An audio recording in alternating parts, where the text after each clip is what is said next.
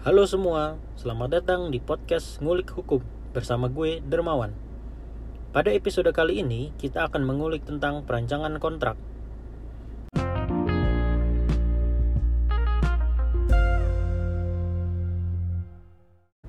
Perancangan kontrak tidak sama dengan hukum perjanjian.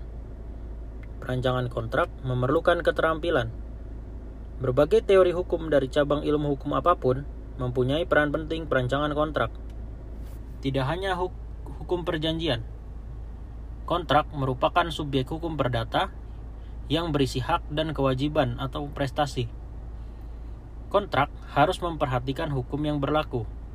Kontrak merupakan terjemahan bahasa sehari-hari dalam bentuk dokumen dan kalimat hukum.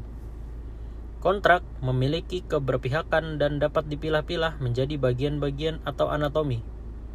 Kontrak sangat bergantung pada nature of industry. Anatomi kontrak. Apa saja bagian atau anatomi dari kontrak? Secara umum, kontrak terdiri dari 1. Bagian pendahuluan 2. Bagian isi 3. Bagian penutup dan 4. Lampiran apabila ada Apa saja yang ada dalam bagian pendahuluan? Bagian pendahuluan terdiri dari Yang pertama, sub bagian pembuka Berisi kata pembuka termasuk penyingkatan judul perjanjian dan tanggal perjanjian Contoh, perjanjian jual beli aset ini dibuat dan ditandatangani di titik-titik pada hari ini titik-titik tanggal titik-titik oleh dan antara. Yang kedua, subbagian pencantuman identitas para pihak. Berisi elaborasi dari pihak yang mengikatkan diri pada perjanjian. Contoh, PT AZZ. Suatu perseroan terbatas yang didirikan berdasarkan hukum negara Republik Indonesia dan seterusnya.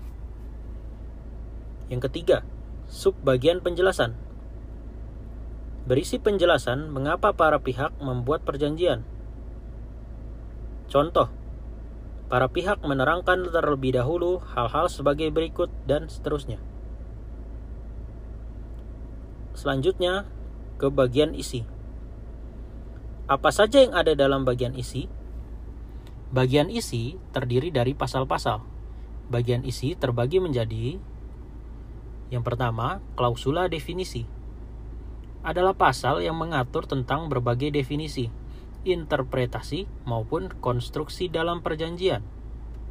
Contoh, harga penawaran adalah harga saham yang ditawarkan melalui penawaran untuk umum tanpa perjanjian dengan emiten dan tanpa kewajiban membeli saham. Yang kedua, klausula transaksi adalah pasal-pasal yang mengatur tentang transaksi yang dilakukan oleh para pihak. Pasal yang mengatur klausula transaksi dapat lebih dari satu pasal, terutama apabila transaksi tidak hanya satu transaksi saja. Contoh, berdasarkan keterangan-keterangan dan jaminan serta kesanggupan para pihak, sebagaimana dimaksud dalam perjanjian ini, dan seterusnya klausula spesifik adalah pasal-pasal yang mengatur hal-hal yang secara khusus dikenal dalam transaksi yang dilakukan. Contoh, penjual wajib menyerahkan barang objek jual beli sebagaimana dimaksud pada pasal 1 perjanjian ini, perjanjian ini dalam keadaan terbungkus rapat dengan bahan aluminium foil dan sebagainya. Yang ketiga, klausula ketentuan umum adalah pasal-pasal yang mengatur hal-hal yang bersifat antisipatif. Oleh awam, lebih dikenal sebagai urusan orang hukum. Contoh, dalam hal penyelesaian sengketa, para pihak sepakat bahwa terhadap perselisihan akan diselesaikan melalui pengadilan negeri, yang mana pengadilan negeri ini ditentukan berdasarkan kompetensi relatif. Apa saja yang ada dalam bagian penutup? Dalam bagian penutup terdiri dari dua hal. Yang pertama, Sub bagian kata penutup.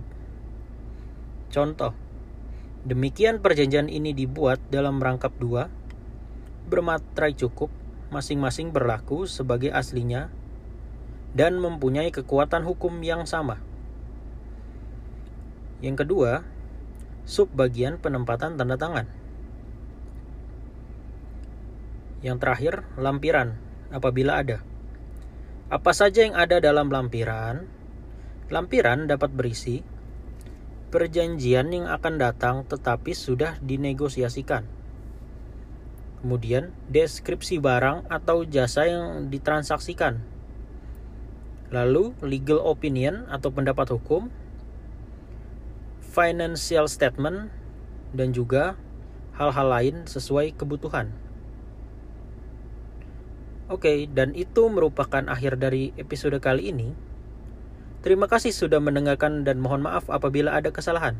Sampai jumpa di podcast selanjutnya.